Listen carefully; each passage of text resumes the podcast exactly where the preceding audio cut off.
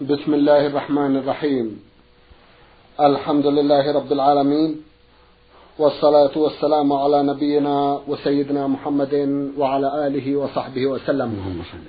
مستمعي الكرام السلام عليكم ورحمة الله وبركاته وأسعد الله أوقاتكم بكل خير. هذه حلقة جديدة مع رسائلكم في برنامج نور على الدرب. رسائلكم في هذه الحلقة نعرضها على سماحة الشيخ عبد العزيز ابن عبد الله بن باز الرئيس العام لإدارات البحوث العلمية والإفتاء والدعوة والإرشاد. مع مطلع هذه الحلقة نرحب بسماحة الشيخ ونشكر له تفضله بإجابة السادة المستمعين. فأهلا وسهلا بالشيخ عبد العزيز. حياكم الله وبارك فيكم. أولى رسائل هذه الحلقة رسالة وصلت إلى البرنامج من الرياض.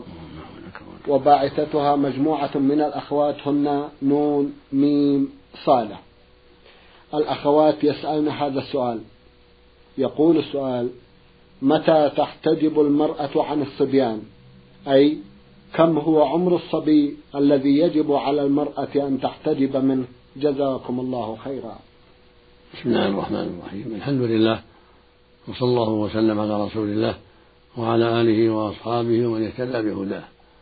أما بعد فقد قال الله جل وعلا وإذا بلغ الأطفال منكم الحلم فليستأذنوا كما استأذن من قبلهم.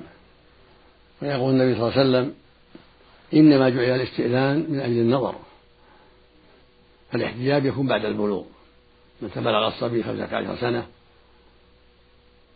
أو عرف أنه احتلم أو أنبت الشعر الذي حول الشعر الخشن الذي حول الفرج صار بهذا محتلما.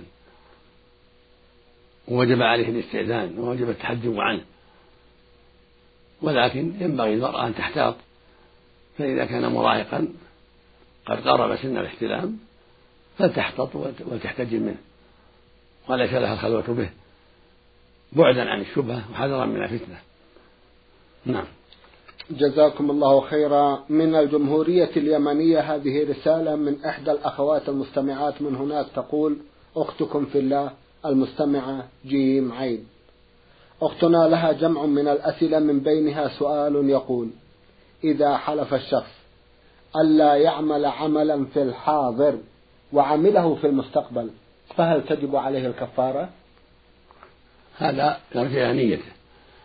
فإذا قال والله لا أكلم فلانا وقصده في هذا اليوم المعين ثم كلمه بعد ذلك فلا شيء عليه في المستقبل لأنه إنما له اليوم الحاضر.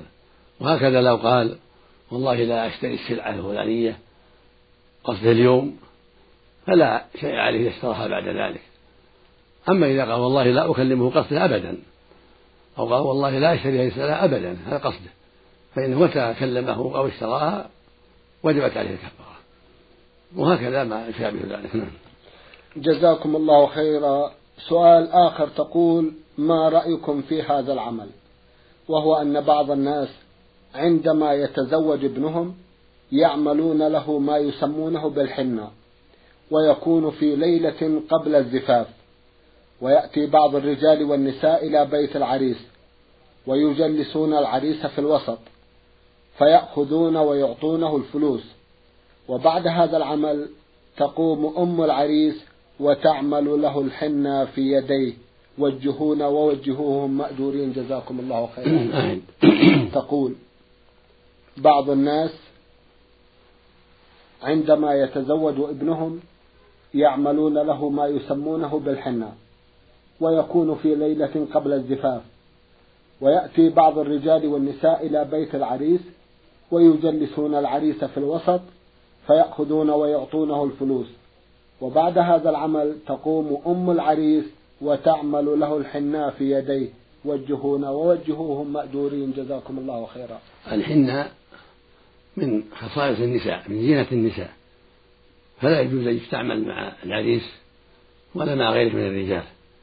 الحنة من زينة النساء ومما يعمله النساء تجملا لأزواجهن. فلا يجوز أن يعامل الرجل بذلك ولا يستعمله الرجل. بل ينبغي أن يبتعد بل يجب أن يبتعد عن مشابهة النساء. وقد صح عن رسول الله عليه الصلاة والسلام أنه قال لعن الله لعن الله الرجل يلبس لبسة المرأة ولعن الله المرأة تلبس لبسة الرجل. وجاء عنه صلى الله عليه وسلم أنه لعن المتشبهين من الرجال بالنساء والمتشبهات من النساء بالرجال. وهذا يعم أنواع التشبه فالواجب الحذر من التشبه بالنساء في استعمال الحنة أو غير ذلك مما هو من خصائص النساء. أما اجتماعهم بالعريس رجالا ونساء يعطونه النقود فهذا فيه تفصيل.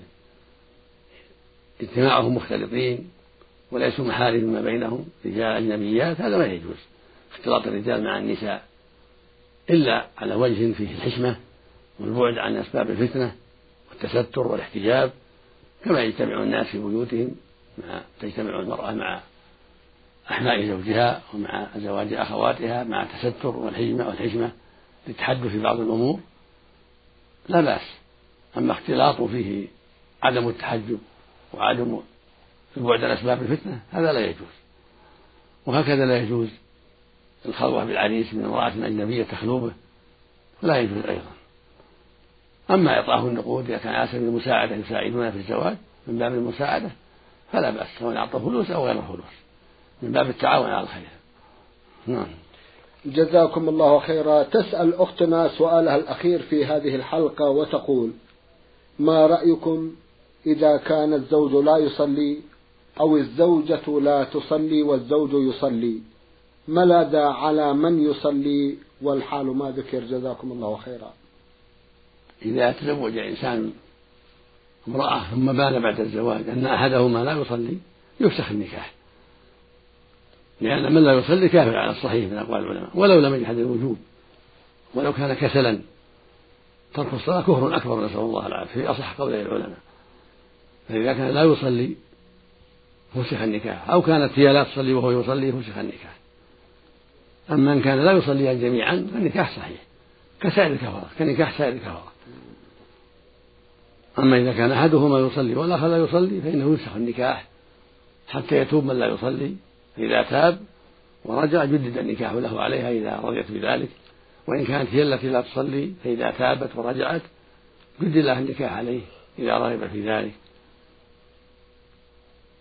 والدليل على هذا قول النبي صلى الله عليه وسلم العهد الذي بيننا وبينهم الصلاة فمن تركها فقد كفر. وقوله صلى الله عليه وسلم بين الرجل وبين الكفر والشرك ترك الصلاة مع أدلة أخرى في ذلك. نعم.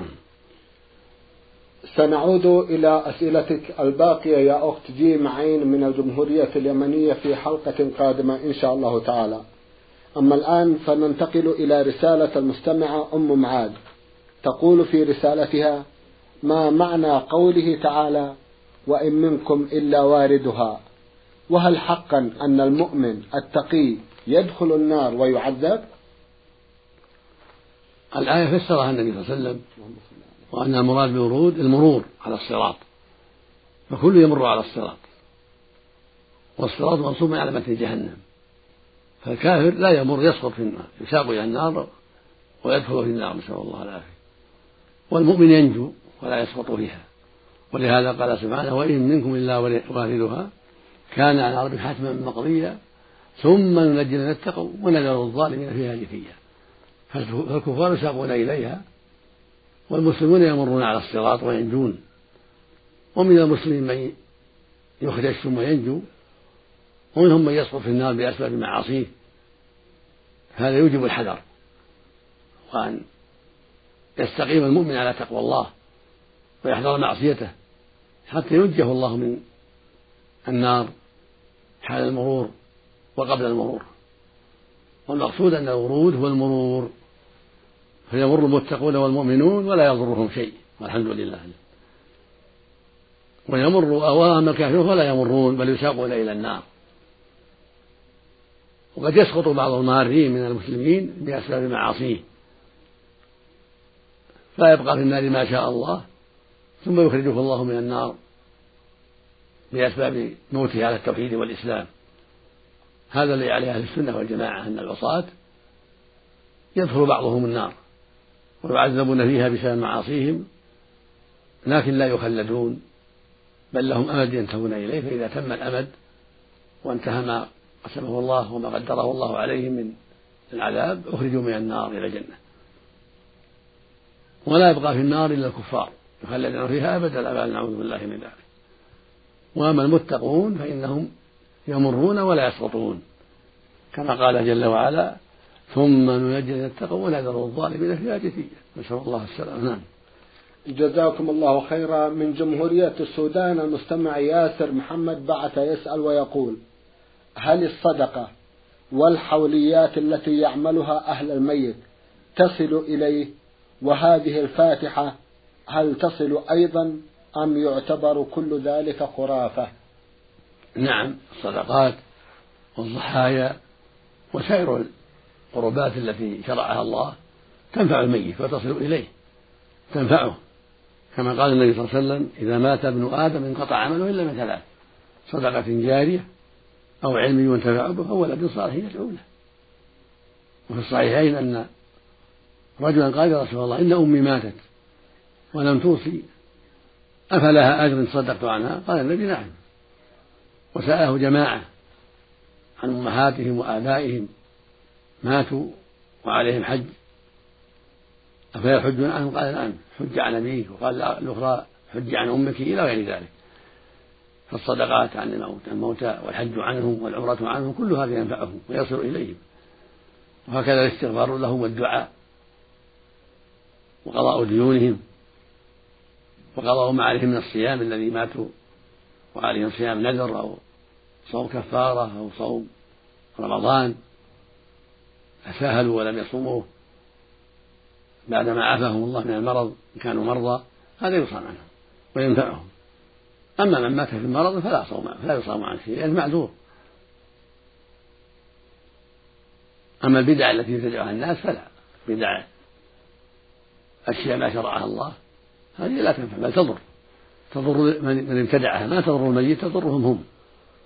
من ابتدع الاحتفال بالموالد بالموالد أو الاحتفال بأشياء ما أنزل الله بها من سلطان لأجل الموتى حوليات ما شرعها الله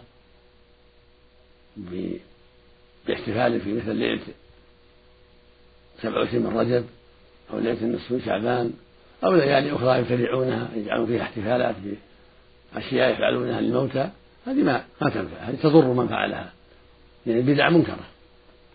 والرسول صلى الله والرسول عليه السلام قال من عمل عملا ليس عليه أمره فهو رد. وإنما الذي ينفع الموتى الصدقة عنهم والدعاء لهم والاستغفار والحج عنهم الصوم عنهم إذا كان عليهم صوم والدعاء لهم كل هذا ينفع الميت. نعم والضحية عنهم لأنها صدقة الضحية عنهم صدقة. نعم. نعم. جزاكم الله خيرا. أخيرا يسأل أخونا ويقول الصفة الصحيحة للتسليم على النساء الأجنبيات ما هي؟ مثل السلام على غيرهم. السلام عليكم. السلام عليكم ورحمة الله وبركاته. للرجال والنساء. وإن قال عليكن بالنون فلا بأس. طيب. المقصود هذا هو السلام الشرعي. نعم. وهن يقولن وعليكم السلام ورحمة الله وبركاته مثل ما قال لهم. من قال السلام عليكم وجب أن يقولوا وعليكم السلام. وإن قال ورحمة الله وجب أن يقولوا وعليكم وعليكم السلام ورحمة الله. وإن قال السلام عليكم ورحمة الله وبركاته. ورد وجب الرد بأن يقول أسوى عليكم السلام ورحمة الله وبركاته. لأن الله سبحانه يقول وإذا حييتم بتحية فحيوا بأحسن منها أو ردوها. فالرد واجب. نعم. والزيادة مستحبة. زيادة رحمة الله وبركاته مستحبة. فإذا قالها المسلم وجب ردها. من الرجال والنساء جميعا. فإذا مر على النساء أو دخل عليهن في البيت سلم عليه. لكن على وجه ليس في فتنة بل يكون مع التحجب ومع الصيانة وعدم الخلوة بالمرأة. يكون على طريقة شرعية ليس فيها فتنة ولا تهمة. نعم جزاكم الله خيرا. إنما المصافحة كيف يكون وضعها لو سمحت؟ ليس لا الرجل يصافح المرأة الأجنبية. يقول النبي صلى الله عليه وسلم إني لا أصافح النساء. اللهم صل عليه وتقول عائشة رضي الله عنها والله ما مست يد رسول الله صلى الله عليه وسلم يد امرأة قط. ما كان يبايعهن إلا بالكلام. فالرجل لا يصافح المرأة الأجنبية ويجب عليه التحجب عنه ولا يخلو بها أيضا ولكن يسلم من دون خلوة ومن دون مصافحة أما مع محارم لا بأس يصافح أخته عمته أمه لا بأس. نعم. جزاكم الله خيرا. رسالة وصلت إلى البرنامج من الجماهيرية الليبية وباعثها المستمع محمد علي شعبان. أخونا محمد يقول في أحد أسئلته نحن نعمل في أحد الحقول النفطية بالصحراء. لدينا مسجد داخل الحقل. الحقل له بوابة واحدة أقرب منطقة عنده تقدر بحوالي أربعين كيلومتر. ليس هناك أحد مقيم داخل الحقل أو خارجه بأسرته طول مدة يقضيها أحدنا بالحقل. وأكثر ما نقضي في المدة أربع وأكثر ما نقضي في الحقل أربعين يوما. وليس لدينا إمام معين. وسؤالنا هل تصح في هذا المسجد صلاة العيد وصلاة الجمعة؟ جزاكم الله خيرا. أعين. يقول نحن نعمل في أحد الحقول النفطية بالصحراء. لدينا مسجد داخل الحقل. الحقل له بوابة واحدة وأقرب منطقة عنده تقدر بحوالي أربعين كيلو متر ليس هناك أحد مقيم داخل الحقل أو خارجه بأسرته وأطول مدة ممكن نقضيه يقضيها أحدنا بالحقل أربعين يوما تقريبا. وليس لدينا إمام معين. والسؤال هل تصح في هذا المسجد صلاة العيد وصلاة الجمعة؟ أفيدونا جزاكم الله خيرا. ما دام الحال كما ذكره السائل فليس عليكم جمعة ولا عيد لأنكم لستم لستم مستوطنين. إنما تقيمون أربعين يوما ثم ترجعون إلى أهلكم. فأنتم في هذه الحالة كسكان البادية. تصلون ظهرا أربعا وعصرا أربعا وهكذا. وليس عليكم جمعة. ما دام الأمر الأمر كما ذكرتم ليس هناك سكان. وإنما هم العمال يعملون أكثر ما يعملون أربعين يوما ثم أربعين يوما ثم يرجعون يرجعون إلى أهلهم ويأتي غيرهم. فعليكم الصلوات الخمس أن تصلوها جماعة أمكم أفضلكم وأقرأكم وإذا اخترتم واحدا يؤمكم هو أقرأكم كان ذلك أولى وأفضل. وليس عليكم جمعة ولا عيد. جزاكم الله خيرا. يسأل ويقول ما حكم قراءة القرآن من السور الطويلة والتطويل في السجود والركوع في الجمعة أو في أي فرض آخر؟ يقول ما حكم قراءة القرآن من السور الطويلة والتطويل في السجود والركوع في الجمعة أو في أي فرض آخر؟ السنة أن تكون معتدلة في الصلاة كما كان النبي يفعل. عليه الصلاة والسلام مطمئنة في الركوع والسجود وإذا طول القراءة طول السجود والركوع وإذا خفف خفف تكون الصلاة معتدلة متقاربة. قال البراء بن عازب رضي الله عنه رمقت صلاة النبي صلى الله عليه وسلم يعني حذرتها وقدرتها فوجدت قيامه فركوعه فاعتداله بعد الركوع فسجده فسجده فسجده. نعم. فاعتداله بين السجدتين قريبا من السواء. في رواية ما خلا القيام قعود. يعني أن قيامه في القراءة أطول بعض الشيء وقعوده للتشهد أطول بعض الشيء. فالسنة هكذا أن يكون قيامه أطول بعض الشيء وهكذا جلوسه للتشهد. لكن يكون ركوعه وسجوده واعتداله بعد الركوع واعتداله من السجدتين كله كامل فيه الطمأنينة وفيه المقاربة للقيام والقعود. نعم. جزاكم الله خيرا. يقول لدينا عندما يتوفى أحدنا يقوم أهل الميت بدعوة بعض أئمة المساجد أو ما يسمى عندنا بالشيوخ وهم مجموعة لا يقل عددهم عن عشرة يقومون بتلاوة القرآن ترحما على الميت. ولكن يكون هذا المقابل من أهل الميت يقوم واحد من أهل الميت بتوزيع بعض النقود عليهم جميعا بعد الانتهاء من ختمة القرآن. فما حكم الإسلام في هذا؟ هذا غير مشروع. ولا يجوز أخذ أجرة على تلاوة القرآن. ولا تثويب هذه الموتى. هذا غير مشروع. وما كان الصحابة يفعلون هذا رضي الله عنهم. أما كن يقرأ بين الحاضرين أن اجتمعوا ليستفيدوا من كلام الله عز وجل من دون أجرة إذا اجتمع الناس في مجلس يعزون أو في زيارة أو في وليمة وقرأ واحد يسمعه القرآن ويستفيد. هذا شيء طيب. كان النبي صلى الله عليه وسلم في مجالسه يقرأ القرآن ويستمعون ويشرح لهم صلى الله عليه وسلم ويبين لهم. وربما أمر بعض الصحابة أن يقرأ وهو يستمع عليه الصلاة والسلام.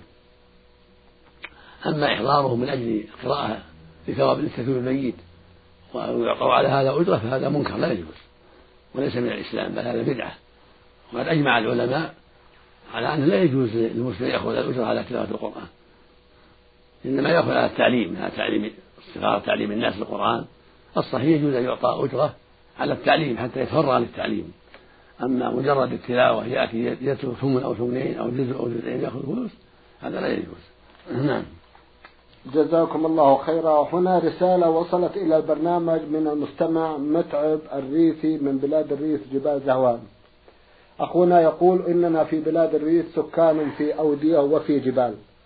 وقد نسمع صوت المؤذن في المساجد التي في قرانا ولكن لا نقدر نجيب الدعاء. إنا في رأس جبل والمؤذن في الوادي. فإذا مشيت يوما أسمع النداء لصلاة الظهر مثلا.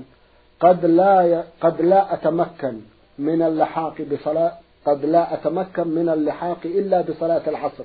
وأنا سمعت حديثا عن الرسول صلى الله عليه وسلم أن رجلا أعمى قال هل تجد لي من رخصة؟ قال الرسول صلى الله عليه وسلم هل تسمع النداء؟ قال نعم. قال أجب. هل كل من يسمع النداء ملزم بالإجابة؟ وإن كان كحالنا وجهونا جزاكم الله خيرا. هذا النداء المعتاد الذي بدون مكبرات بدون مكبرات سمعه الإنسان فهو قريب. عند هدوء الأصوات فهو قريب يجب عليه الحضور. أما سماعه من طريق المكبرات هذا يسمع من بعيد. فلا يلزمه إذا كان بعيدا عن المسجد ويشق عليه وربما لو توجه بعد الأذان ما أدرك المسجد هذا لا يلزمه. وليس داخلا في الحديث. إنما المراد المراد في الحديث السماع للمؤذن بالطريقة المعتادة في عهده صلى الله عليه وسلم بغير مكبرات. فهذا إذا سمع النداء يلزمه الحضور إذا قدر. أما إذا كان مريضا أو عاجزا لا يلزمه. أما إذا سمع من طريق المكبرات هذا يسمع من بعيد. لا يلزمه إذا كان بعيدا يشق عليه الحضور أو لو حضر ما أدرك لو حضر بعد الأذان ما أدرك هذا ليس داخلا في الحديث. نعم. جزاكم الله خيرا. يسأل سؤال آخر ويقول هل الرجل يؤم زوجته ومحارمه وأين يكون وضع الإمام إذا كانت امرأة واحدة؟ هل هي بجانبه أو خلفه؟ يجوز له أن يؤمهم إذا فاتته الصلاة مثلا أو كان مريضا أو في النافلة يؤمهم إن كان اثنتين أو ثلاث أو أكثر صفا خلفه. وإن كانت واحدة كذلك تكون خلفه. ولا يصفون معه ولا عن يمينه ولا عن شماله ولو أنها واحدة ولو أنها زوجته. الرسول صلى الله عليه وسلم أمر أن يكون صفوفهن متأخرة عن الرجال. ولما صلى ذات يوم في بيت أنس بأنس واليتيم صلت المرأة خلفهم أم سليم خلف خلف الجميع وهي واحدة. ولم تصف مع ابنها أنس وابن ابنها اليتيم. فالمقصود أن موقف المرأة خلف الرجال ولو كانت واحدة تقف خلف الرجل ولو أنه زوجها وأخوها. تقف خلفه لا عن يمينه ولا عن شماله. أما الرجل فيقف عن يمينه إذا كان واحدا وإن كان الرجال اثنين فأكثر وقفوا خلف الإمام. أما النساء فيقول فيقف خلفه مطلقا. جزاكم الله خيرا. السؤال الأخير يقول هل النساء تأمهن واحدا منهن؟ وكيف يكون وقوفها؟ جزاكم الله خيرا. إذا تيسر من يأمهن فهو أفضل. يتعلمن ويستفدن وتكون وسطهن. عن يمينها وعن شمالها. لا لا تقدم بل تكون وسطهن. عن يمينها قوم وعن شمالها قوم. ترفع صوتها بالقراءة حتى يستفيدوا في المغرب والعشاء والفجر كالرجل وتعظهن إذا تيسر ذلك وتذكرهن وتعلمهن بعد الصلاة وقبل الصلاة. وهن عن يمينها وشمالها وخلفها. نعم. جزاكم الله خيرا. ويختارن أفضلهن أقرأهن وأفضلهن نعم. وإن صلى صلت كل واحدة وحدها فلا حرج. جزاكم الله خيرا. هنا رسالة مطولة ومكتوبة باللهجة العامية وصلت إلى البرنامج من جدة وباعثتها إحدى الأخوات رمزت إلى اسمها بالحروف فاء ألف حاء نون. أختنا لها قضية ملأت بها صفحة كاملة. لخصت هذه القضية في النقاط التالية. أولا زوج أمها هو الذي تولى ولايتها عند كتابة العقد مع وجود أخيها لأمها عند الزواج. ثانيا أن زوج أمها واحدة واحدة أحسن. الأول زوج أمها هو الذي تولى ولايتها عند كتابة العقد عند زواجها وأخوها لأمها كان موجودا. كلاهما ليس بولي لا زوج أمها ولا أخوها من أمها. كلاهما ليس بولي في النكاح. نعم.